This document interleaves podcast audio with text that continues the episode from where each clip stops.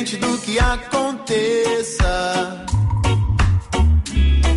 eu não quero que você esqueça. Avui a Islàndia, al Brasil, quan veia les imatges ahir dels seguidors de Bolsonaro assaltant els centres de poder d'aquell país, el primer que vaig pensar és en un amic que hi ha estat més de 20 vegades. Un amic que és periodista, directiu de la productora Minoria Absoluta i exdirector de TV3. Un amic que al Brasil hi ha rodat documentals i pel·lícules i que ara mateix està escrivint un llibre sobre aquell país, un viatge als Brasils de Lula i Bolsonaro, a partir, això sí, del llegat del bisbe català Pere Casaldàliga. Aquest amic, enamorat de Casaldàliga i enamorat del Brasil, es diu Francesc Escribano. Paco, bona tarda. Hola, bona tarda. Quan va ser el teu primer viatge al Brasil, la primera vegada que vas anar? L'any 1985. Eh, Feia molt poc que començava un programa mític que es diu 30 minuts. Sí? I, i jo no havia viatjat mai fora d'Europa, i poques vegades fora de, fora de Catalunya, i la veritat és que va sortir l'oportunitat d'anar al Brasil, i no sé, era com una mica com aquella figura de la pel·lícula del Terry Gilliam Brasil, que tens un pòster allà pesat, que tens unes palmeres, un, una uh, selva exuberant, una gent fantàstica i tot això, i això és el que jo m'imaginava que era Brasil i estava, evidentment, m'hi vaig abocar. I vaig anar, i vaig buscar un tema per parlar del Brasil i va sortir que allà hi havia una, un català que es deia Casaldàliga, que no era molt conegut en aquell moment, que estava en un lloc molt difícil d'arribar-hi, que era el Mato Grosso, i aleshores doncs m'hi vaig tirar cap allà. I va ser arribar un, vaig arribar en un moment, l'any 85, que era quan, just quan acabava la dictadura militar, i el país estava efervescent, tothom estava feliç, saps allò la sensació aquesta que tens d'un país que, que està començant alguna cosa nova, no? I a més a més, tal com són els brasilenys, que són simpàtics, extrovertits, agradables, hospitalaris, doncs em vaig enamorar a primera vista del país, de la gent, i després quan vaig arribar al Mato Grosso, doncs em vaig apassionar per Casaldali, el vaig conèixer, quan vaig, vaig veure que no era exactament el paradís que jo m'havia imaginat en el meu pòster inicial quan hi vaig anar, i vaig descobrir que era un país amb molta violència, amb molts problemes, amb moltes desigualtats, i que allà hi havia una persona que era català, com jo, i que estava allà deixant-se la pell per intentar arreglar-ho. Per tant, aquesta és la primera vegada que el Paco Escribano se'n va al Brasil, 1985, treballant a TV3 per fer un reportatge pel 30 minuts. Entremig, dèiem, més de 20 visites, més de 20 viatges al Brasil, la gran majoria per projectes de feina. L'última vegada que has estat? L'últim viatge teu al Brasil? Doncs va ser per, per assistir a les eleccions, i vaig estar allà amb, el, amb la gent del PT, vaig estar una mica amb el- amb l'equip del El PT és Lula. el Partit dels del Partit dels Treballadors, eh? Vaig estar, per sort, assistir a la victòria de Lula i vaig estar a la sala aquella on estaven tots, allà va ser una, un moment realment de gran felicitat i, i després vaig fer l'últim viatge que sortirà en el, que, tinc previst en el llibre per arribar a Sau Fèlix d'Araguaia, el poble aquell en el que havia arribat la primera vegada, eh, per eh, en certa manera descobrir com està el país ara, com està la gent ara eh, i acabar la tomba del Pere Casaldàliga que està enterrat a la vora del riu Araguaia. Clar, aquest és l'últim viatge, per tant, d'això fa molt poc, d'això fa mesos només. Eh, ahir suposo que això, poc abans que comencés el partit del Barça, 8 del vespre, no?, és quan salta la notícia que, que hi ha tot aquest grup de seguidors del Bolsonaro, milers de persones que han assaltat els centres de poder, han assaltat doncs, des del Tribunal Suprem, el Congrés, el Palau Presidencial... Què és el primer que penses en aquell moment? Dir, ja ho sabia que passaria això? No, no, no, no, perquè contra el que pugui semblar, Brasil és un país amb una democràcia bastant sòlida. És veritat que igual com als Estats Units, doncs, ha arribat a la presidència a una figura que podríem definir com a friki, que és en el cas dels Estats Units Trump i en el cas de, de Bolsonaro, en el cas de Brasil Bolsonaro, i que és molt més perillós que un friki, aparentment era un friki abans de ser president, després realment és una figura que, que ha fet molt de mal, molt de mal al país i molt de mal a, a, a, molts, a molts termes, però és veritat que no van acceptar la, la victòria de Lula, a molts dels seus seguidors. Una amiga meva, una amiga meva diu que són uns periquitos, perquè van vestits tots així com a periquitos, amb el, amb el els colors colors- verd amb els i, colors i groc. no? I, bueno, els periquitos a, a Catalunya van vestits d'una altra manera. Sí. Uh, I no... Però jo- tu, quan, quan vas estar allà la nit electoral, tu Sí. ja vas veure que els seguidors de Bolsonaro no acceptarien la victòria de Lula? Hi va haver alguna cosa que et l'endemà, l'endemà mateix, vull dir, el primer dia no, perquè realment tothom no s'ho va esperar i tothom, el Bolsonaro no va dir res, però sí que l'endemà van començar a sortir i no, no han abandonat el carrer. Vull dir, els, hi ha milers de seguidors del Bolsonaro que en els primers dies jo, per exemple, havia d'anar a Sau Feliç amb autobús, perquè no hi ha altra manera d'arribar-hi, són moltes hores, 30 Quan hores. ha? Eh. 30 hores, de, de, bueno, des de Palmes, i llavors vaig estar 3 dies eh, eh, allà en una ciutat que no em podia moure, perquè estaven les carreteres bloquejades durant 3 dies. Va, va Qui costar... bloquejava les carreteres? Aquests, els, els, els periquitos, podríem dir. Els, els, seguidors de Bolsonaro? Els seguidors de Bolsonaro feien piquets i, eh, i bloquejaven les carreteres. Llavors Bolsonaro, després de, amb molta pressió Amb que va quina haver-hi... intenció blo- bloquejaven les Eh, carreteres? la- La intenció és que el, volen que l'exèrcit intervingui. O sigui, allà un, un dels poders que té la ultradreta, i que això s'ha descobert als Estats Units i sobretot molt al Brasil, és el poder com gestionen les xarxes i com amb les xarxes i amb les fake news fan creure una realitat paral·lela sobretot als, tots els seus seguidors.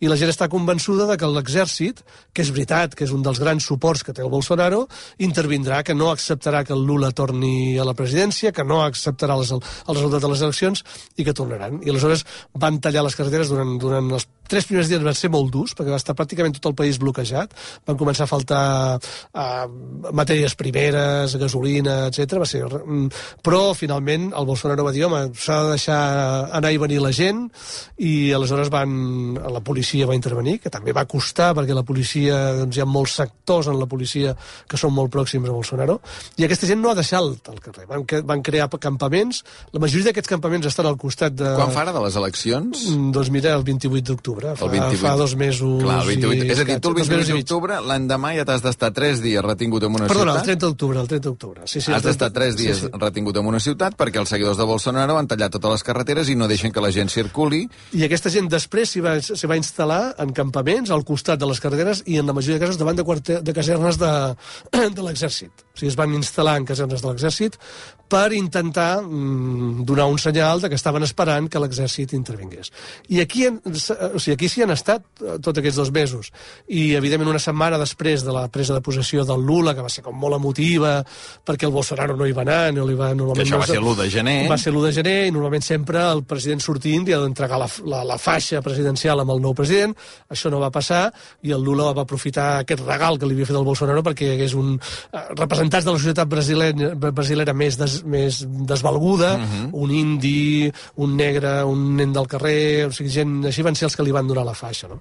I aleshores es van, per la, per la setmana següent, pel diumenge següent, que era ahir, es va preparar unes manifestacions a Sao Paulo, a Brasília, i aquestes manifestacions van acabar mm, d'una manera que jo, jo, per mi no era previsible. I tu quan vas veure aquestes imatges vas pensar, o diguem en les primeres hores, que és quan es va veure no sabia cap on tombaria la cosa, vas pensar que, que hi podia haver un cop d'estat i, que, i que Lula fos mai, enderrocat? No. mai, una, mira, fixa't, potser sóc il·lús, eh, no, però, però pel que conec de Brasil, mai, és un, és un país amb una, o sigui, amb una solidesa institucional molt més forta del que, del que sembla. I penso que l'exèrcit és veritat, que és un dels grans suports de Bolsonaro, i Bolsonaro, eh, per exemple, Bolsonaro, el govern de Bolsonaro hi havia més militars en el seu govern que durant l'època de la dictadura militar. Imagina't, que és, és una persona que a més a més va fer una llei perquè els militars no perdessin la seva paga de l'exèrcit mentre estaven fent de funcionaris governamentals. I llavors ell pensava que havia creat una casta, que aquesta casta el protegiria, però evidentment aquesta casta no representa les, alt, les altes in, estructures de l'exèrcit que evidentment s'han mantingut en el, de moment i esperem que, que es mantingui en l'ordre constitucional. No? Lula està en forma? Perquè, clar, Lula deu fer 20 anys, no?, que va accedir... Fa boxa, a fa, la- bo- fa boxa, fa boxa. sí, sí, fa boxa, i, i la veritat és que sí que està en forma. Ho dic perquè, eh, segurament, vist des d'aquí, totes les esperances eh, que va generar la, la primera victòria de Lula, que deu fer 20 anys, no?, Ara sembla com si es hagués seguit amb una mica més d'escepticisme, a veure si està en forma, si no està en forma, què ha passat, el seu pas per la presó, la seva salut, com està el Lula? El Lula està molt en forma. És veritat que va, va passar per la presó i això va ser un cop molt dur, però crec que va ser un cop més revitalitzant i tot el que va suposar per ell, vull dir, va sortir més reforçat a la presó i, i a més a més després perquè tot es va mm, sobreseir, perquè no hi havia molta base i jo crec que el va tocar més el càncer, ell va passar un càncer mm, que realment sí que això el, el va afectar, però, però està en plena forma, a més té una parella que és una nova, la seva dona actual, la Janja, que té un paper molt important amb, el, amb, amb la seva connexió amb la societat actual, perquè Lula és una persona que, que és un dels problemes que té el PT i que té el Partit dels Treballadors i que té el Lula, que és que no són no estan tan al dia amb, amb el que són les xarxes, amb el que és el moment actual, com per exemple Bolsonaro i l'extrema dreta, i per exemple Lula no té mòbil, això m'ho explicaven al seu entorn, no té mòbil. Llavors, no, clar, no. Sí que tu mires, hi ha una, xar una conta de Twitter que és Lula... Però ell no té mòbil. Ell no té mòbil. Llavors, clar, com, tot Mhm. el que és grups de WhatsApp i tot això, que tu ja saps que coneixem algunes persones que no tenen WhatsApp, no? I dius, ostres, que raro. Pues, bueno, ell no té... No, o sigui, també li costa. Llavors jo crec que Janja és una figura que l'ha connectat amb el món actual, és una persona que fixa't que en tots els... Eh, té un protagonisme molt important, eh, sempre en tota la, amb la victòria, amb la presa de possessió, sempre està al seu costat, i jo crec que és una, una figura que, que en certa manera també el connecta també amb la societat actual i que això està molt bé. Estem parlant amb el Francesc Escribano, un dels catalans que coneix més bé Brasil, que hi va anar per primera vegada l'any 1985 a fer un reportatge pel 30 minuts, a partir d'allà hi ha tornat més de 20 vegades, l'última, com ens explicava ara, en aquesta última nit electoral, la nit que guanya Lula, pren possessió Lula l'1 de gener, ara el 8, ahir va passar el que va passar, sembla que la democràcia brasilera està resistint a aquest cop, ara ens ho explicaran també el Joan Torres a, a les notícies, però que hi ha moltíssims detinguts hores d'ara, per tant sembla que no s'ha de patir, que Lula podrà continuar governant, i mentrestant tu, a la distància ara, estàs escrivint un llibre sobre Brasil, sobre aquest Brasil que des d'aquí almenys el veiem tan dividit, no?, entre, el, entre, Lula, i, entre Lula i Bolsonaro. És no? que ho està. No? La, la veritat és que a mi una de les coses que més em feia cosa era tornar a Sau Fèlix, perquè feia molts anys que no havia tornat, que no hi, havia el, no hi seria la figura del Pere Casaldàlig allà, en allà. Jo hi conec molta gent en allà, gent que, ha sigut, que han sigut els seguidors de, del Pere Casaldàlig, els que van protagonitzar les seves lluites, els que segueixen una mica el seu llegat. I clar, te n'adones d'arribar allà a Sau Fèlix i, evidentment, les eleccions allà havia guanyat Bolsonaro, perquè estàs en una, en una terra de- d'agronegoci, trobes que realment com, fins a quin punt ha dividit famílies, amics, eh, o sigui que realment és una d'aquelles coses que la, la, la ultradreta, eh, i a més el que ha fet el, el Bolsonaro allà al Brasil és com empoderar, com despertar el pitjor de l'ànima brasilera. Saps? Jo crec que els brasilers són això, que són molt simpàtics, molt...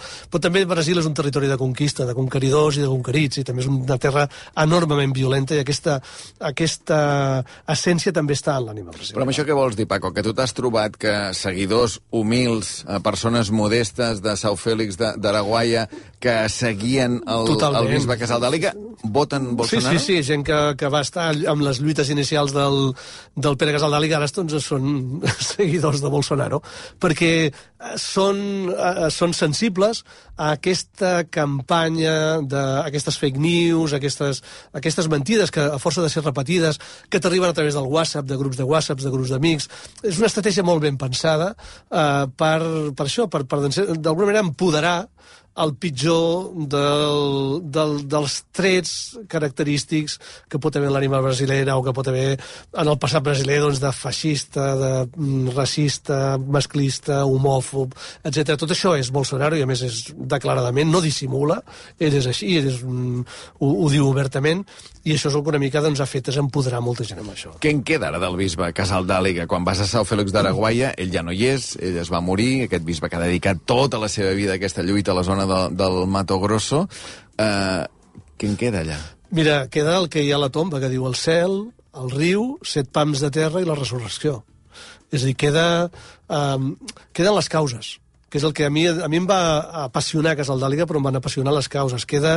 Um, Perquè ell està enterrat allà. Ell està enterrat allà. Ell està enterrat, ell, ell està enterrat en un petit cementiri, que era allà on... Era antigament en un cementiri indígena, i era el lloc on enterrava els peons sense nom, la gent que al començament va haver d'enterrar, molta gent, nens, eh, que els va haver d'enterrar allà, i sempre hi havia una tradició que és els enterraven girant el cap mirant al riu i és una tradició dels indis i, de, i llavors ell està enterrat allà.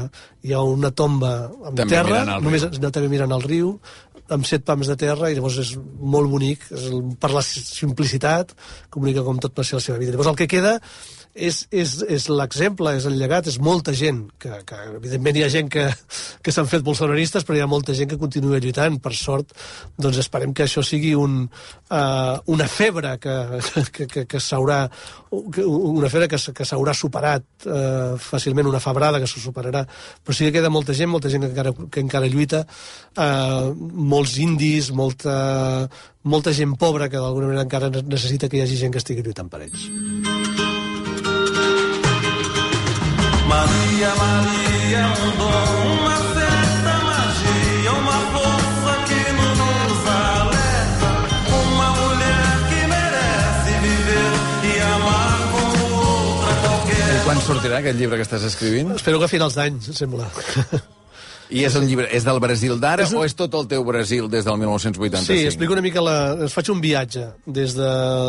Comença en el lloc on, en el que va morir Gasaldàliga, perquè el van portar, en l'últim moment el van portar a Batatais amb els claretians, i a partir d'allà vaig trobant-me amb gent en diferents llocs, repassant una mica les causes, les lluites del Gasaldàliga, la terra, els indis, eh, les dones, eh, la, la lluita de classes, tot això ho vaig passant a diferent gent i a diferents ciutats. No? Mm -hmm. Les faveles, i això he, anat, he estat... Vaig fer un primer viatge el, el, la- el novembre del 21 i un segon viatge ara per, per acabar. Comença aquí el lloc on va morir i acaba en el lloc on està enterrat. Uh, vist des d'aquí, la simplificació, no sé si és exactament així o no, però penses, a veure, Bolsonaro és Vox i, i el PT, Lula, és Podem. No, és curiosíssim. Mira, la, per això és la política brasilera, no? Bolsonaro ha estat en nou partits. O sigui, ara està en un partit que, que fa... mm, O sigui, és, realment és, la política és molt flexible. És, allà hi ha molt, la majoria dels partits són, diuen que són fisiològics, no ideològics, que són en funció de què em pots donar. Mm. El, el, no hi ha una majoria parlamentària, mai té majoria parlamentària. El PT té, crec que 100 diputats amb un, amb un Parlament de 600. Llavors ha de fer grans coalicions eh, amb altra gent. Però ideològicament, Bolsonaro a què s'assemblaria? Bo Bolsonaro és que és, és molt més enllà de Vox. És, és que és, és Vox, és un friqui mm, empoderat. Mm Mhm. -hmm. és, és així, és que és un, una persona que comencéssim a repassar les coses que ha fet i les coses que ha dit Per tant, ens aniria, me, ens aniria més a un tram, per entendre'ns, no? Sí, seria entre Trump i Vox. Vox. Vox, en certa manera, crec que la base és el mateix, però dissimula. Hi ha una, una definició que, que m'explica... Que, que, i, I Bolsonaro és més de centre del que, del que sempre. Seria més un... Bolsonaro o Lula? No, perdó, Lula, Lula. seria més un PSOE, estaria més, a- seria més una socialdemocràcia, tot i que dintre del PT hi ha gent més d'esquerres, hi ha partits que li donen suport que són més d'esquerres, però ell és, és bastant més socialdemòcrata, tot i que tenim aquesta figura, és bastant... Però hi ha algú que m'explicava, per entendre el que és un i l'altre, deia, mira, Lula agafa la gent i li diu, mira, sé qui ets, sé quin problema tens, si em fas confiança, junts arreglarem i solucionarem els teus problemes. I Bolsonaro el que fa és, sé qui ets, sé qui és el teu problema, si em fas confiança, junts anirem a buscar els fills de puta que han sigut responsables del teu problema i acabarem amb ells. Això és, és, és, és, la, és la diferència, és, és, és algú que desperta, pot despertar doncs, els sentiments de solidaritat, d'amor, d'intentar de- de- d'intentar col·lectivament d'arribar a uns objectius, i l'altre eh, és l'odi, és fomentar l'odi, és fomentar la diferència, tot i que tots dos tenen un discurs molt similar. Tots dos parlen de poble i d'elit, és un, un discurs molt religiós, també, no? És curiós que el poble de Bolsonaro és l'elit de Lula i l'elit de Bolsonaro és, és, és, és el poble de Lula, no? És, és, és també el que diu el Vox, no? és a dir, és lo políticament correcte, és l'esquerra, són els intel·lectuals, això és l'elit per, per Bolsonaro, no? Sense casar el Dali, que t'hauries enamorat de Brasil, igual? Uh, sí. sí, però no... no M'hauria enamorat potser d'un cliché.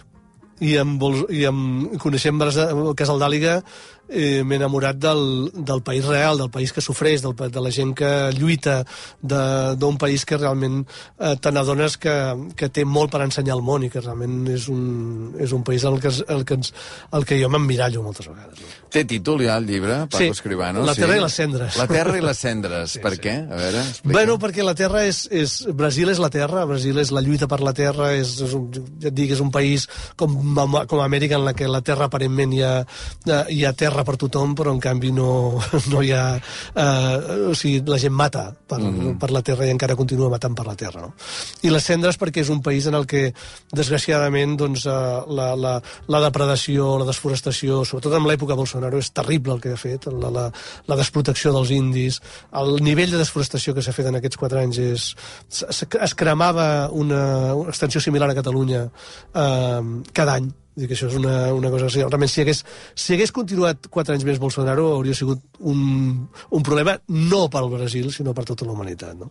I les sendes també, és les sendes del record, les sendes de- de- de- de- d'aquesta d'aquesta eh, d'aquesta consciència de, de, de, de, de Casaldàliga que, que encara arrossego i que encara arrosseguem molts dels Potser, que acabo, eh, Paco, uh, potser el que va passar ahir reforça Lula. I reforça la Totalment, legitimitat, no? O sigui, que això hagi acabat bé, Sí, sí. no? Bueno, és, com, és com, com una mica el que va passar també amb el 23F en aquí, és a dir, que es deia que hi havia diversos cops d'estat i que el fet de que fos tan cutre, tan, tan lamentable el que va fer el Tejero, un guàrdia civil allà amb tricorni, un, allò va desmuntar qualsevol altre mm, cop més preocupant, més seriós que pogués haver-hi. I jo crec que això és el mateix. Aquí hi havia altra gent que va permetre que aquesta gent entrés, a la, a, que és, el, evidentment, són el govern federal, el govern, perdó, el govern del districte federal, Sí. que, és, que són gent que són molt bolsonaristes, aquestes coses del Brasil són d'un partit que també dona suport al Bolsonaro. O sigui, el, el, el, el governador de, de, del Districte Federal de Brasil és d'un partit que dona suport, perdó, a Lula. És dir, dona suport a Lula. Però ell és bolsonarista. Llavors és una figura molt bolsonarista i és el que ha permès que aquesta gent entrés i pogués fer això. Jo crec que això ha evitat que aquest rum-rum que sí que hi havia, de que hi havia gent eh, molt més ben armada en tots els sentits, per, per fer realment un, no un cop, sinó un, una oposició molt més dura amb el, amb el Lula, jo crec que això queda desarmat. Veurem a veure què passa al Brasil. Estarem pendents també d'aquest La terra i les cendres, aquest llibre que publicarà el Paco Escribano abans no s'acabi l'any parlant d'aquest Brasil de Lula, d'aquest Brasil de Bolsonaro, sempre sota la mirada, l'herència eh, moral que ha deixat allà el bisbe Pere Casaldàliga.